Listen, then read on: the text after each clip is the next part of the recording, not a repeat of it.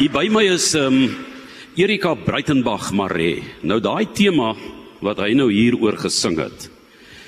Asseblief my lief, vertel vir my, sluit dit aan by julle goeie pa se tema of nie? Is daar ook so 'n kroekery in of donker geheime? Ja. Vertel vir ons daarvan. Daar is definitief 'n paar donker geheime in hierdie storie. Ehm um, dit gaan oor 'n storie van 'n gesin, ma, pa en tweeling dogters. En um, van buite af lyk hulle na 'n baie gewone, normale gesin, lieflike Net- net gesin. Robbie. Net soos Van buite Robbie, af. Van buite af. Maar ja, daar agter toegetrekte gordyne skuil daar donker geheime so. Goed, julle het 'n uitmuntende geselskap wat deelneem en wat saamspan. Vertel vir ons 'n bietjie van hoe die produksie tot stand gekom het. Dit is nou die goeie pa wat um, om 04:30 môre opgevoer word en dan ook die 7de April 10:30 die oggend, 8 April 10:30, 9 April 2uur vir die laatslapers. Dan kan hulle 2 uur gaan uh, kyk en uh, dit is die goeie pa wat opgevoer word. Vertel vir ons 'n bietjie hoe die dinge bymekaar gekom het en in wie hande gevat in die produksie. So die stuk is oorspronklik 'n Engelse toneelstuk met die naam The Good Dad, a Love Story. Dit is geskryf deur Guy Lou. Sy is oorspronklik 'n Suid-Afrikaner, maar sy woon nou al in Engeland vir seker 37 jaar.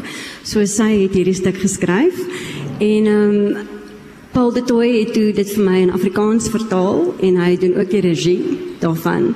En wat ons ook besluit het is om dit bietjie vir die Suid-Afrikaanse milieu te verander. So omdat dit in Engeland afspeel, is daar byvoorbeeld Yorkshire pudding en Sunday roast en ons het dit nou verander na varkchops en boerewors en Braaibroodjie is daar 'n braaibroodjie by asseblief. Want Ja. ja. wat die oomblik jy nou praat terloops van die die tweeling, die twee dogters, toe dink ek dadelik aan The Shining. Ek het net begin dink dit klink vir my soos 'n thriller hierdie uh, geheime en geheimsinnige sake wat agter die skerms in die gang is met hierdie familie. So hoe dra jy daai tipe van gevoel oor aan die gehoor in die vertoning? Ja, so kyk ons almal weet daar is ehm um, ons sukkel met probleme van geslagsgeweld in ons land. Maar hierdie teaterstuk uh neem die gehoor op 'n reis van betowering en uh, help hulle om hulle verbeelding te gebruik om self half prentjies in te kleur van wat gebeur. Uh die storie word vertel deur die oogpunt van drie karakters, basies die ma en die twee dogters. So ek speel dan die drie karakters. Ehm um, Paul het my in die begin baie bekommer want hy gee vir my een kostuum, ek mag glad nie kostuum verander nie. Daar is minimale rekwisiete, is een kombersie en 'n kussing en my stel is 'n 2 by 2 meter rosdra. So dit is hoe ons hierdie storie dan vertel vir die gehoor.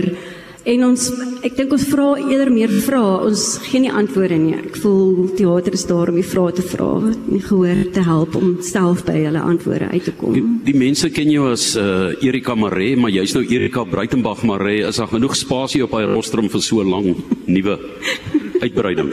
Ja, uh, daar is. Ek het my nooiens van is Breitenberg en ek het net onlangs besluit ek wil my nooiens van terugsit in my verhoognaam. So dis hoekom dit nou Breitenberg maar is. Dis baie mooi daai dubbel daai daai koppelteken van 'n klink vir altyd baie grand. Ek weet nie van julle nie, iemand kom baie grand voor met met 'n koppelteken van koppelteken van. Ons is hier by die KAKNK ons praat oor die produksies wat jy hier kan sien en wat jy ook nasionaal kan sien. Hierdie is internasionaal uh verwerkte produksie het ook oorsee baie toekenninge ontvang en dit is nou vir jou gebied in Afrikaans en hoe wonderlik is dit nie. Maar om met sulke minimalisme te sit op 'n verhoog is nie 'n grap nie. Die die fisiese aanpassings wat jy moet maak tussen karakters is 'n geweldige uitdaging en spreek dan tot die talent wat jy ook na die verhoog toe bring Erika.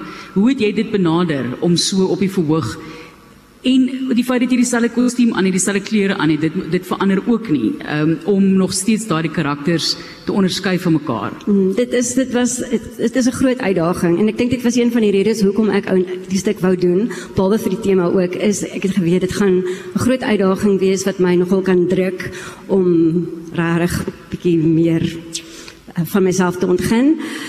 Uh so uh, vir my die karakters is so uiteenlopend al is die tweelingsusters 'n twee met tweeling is hulle verskillend totaal verskillend in karakter. So ek um, was my moeilik baie keer om nie die karakters te judge nie en te probeer elkeen se te verstaan en hoekom hulle doen wat hulle doen. Uh, dit was my proses geweest. Dit was my moeilik veral met die ma, het ek gesukkel, maar ek voel ek het daar nou regtig bietjie onder my vel. Goed, die storie die ontwikkel uit die tronksel uit. Dit is die tergende geheim, daar daai tronksel waarin jy is, die klein ruimtetjie. Maar ehm um, jy het 'n baie bevrydende afgelope 2 jaar gehad met fantastiese Vleurikap nominasies vir regie en vir spel en jy's weer benoem ook vir die produksie vir 'n Vleurikap toekenning. Ehm um, is dit is dit lekker as 'n mens ook na hierdie tyd wat jy nie kon optree nie is iemand wat jou raak sien of jou sê uitstekende werk. Dit is ongelooflik lekker en so ehm um, bevrydend ook, regtig. Ehm um, so ons het verlede jaar 'n produkte gedoen met naam The Unlikely Secret Agent wat Paul uh, Toy ook die regie behartig het en hy het toe 'n prys gewen vir beste regisseur by die Florida Cup. Uh, daai produksie het 8 nominasies gekry wat ek ook vreeslik trots op was want dit was in die middel van COVID lockdown en ons het maar net deurgedruk en gesê ons gaan hierdie storie vertel en ons gaan dit doen. Ons het um, almal COVID gekry in die begin. Ons moes dit stop vir 3 maande amper en toe kon ons weer aangaan met die produksie. Uh ja, en so met goeie paas ek net so dankbaar vir die Dis 'n wonderlike geleentheid. Nee, baie geluk daarmee. Dis Erika Breitenberg Maree wat by ons kuier in 360 regstreeks van die 27ste KKN K af. Um, ek assosieer mense so Sandra Prinsloo deur die jare met solo vertonings. Uh, is dit vir jou ook 'n lekker ervaring om alleen daar met die mense te kommunikeer. Jy het geen hulp van iemand anders wat jy nou bietjie gaan kom aflos iewers in 'n rol of as jy die dag nie lekker voel nie wat jy sê hoor jy help my dra my net vandag. Jy weet daai gevoel wat jy het. Mens kry dit ook onder 'n musikant. Hulle sal 'n uh, orkes en sê hoor jy ouens my stem is nie lekker nie. Julle moet bietjie bietjie help want ek is grieperig of siek. Ehm um, en en hoe voel dit vir jou om solo werk te doen en dan spanwerk te doen as jy in 'n groter rolbesetting is? Ja, so ek dink daar's definitief plek vir al daai, maar dit is my ongelooflik verskriklik lekker om 'n solo vertoning te doen want dit voel dit is net ek in die gehoor. Hulle is half my medespelers. Hoe hulle reageer, ehm um, dra by tot die stuk en hoe ek dan ook dit aan hulle kan oordra. Die span poging is my ook heerlik. Ons was 5 akteurs in die Unlikely Secret Agent met fenominale akteurs. Wessel Pretorius, Gideon Lombard, Sandra Shandu en Klantla Kutu. En dis ook baie lekker want ons dra mekaar en elke vertoning is eintlik anders. Dis wat die wonderlike ding is van teater is geen vertoning is dieselfde nie jou uh produksie die Engelse produksie het gaan oor Casserols né? Dis korrek. Ja, die die die vrou. Van sy vrou, Don ja. Casual se vrou Eleanor Casual. Ja, yes, en en dit is 'n kontemporêre tema en ehm um, die een wat jy nou doen laat 'n mens dink aan die Me Too tipe van gedagte van goed wat uitkom later hierdie uh, tergende geheim wat opgelos word. Ehm um, is dit vir jou belangrik om ook ek wil amper sê ernstige debatte op die tafel te kan plaas deur die verhoog as medium. Absoluut, absoluut en ek dink dit is wat teater doen, dit skep daardie platform om wel daar te kan gesels en die lig daarop te skyn en te kan ja, dit van nader te bekyk.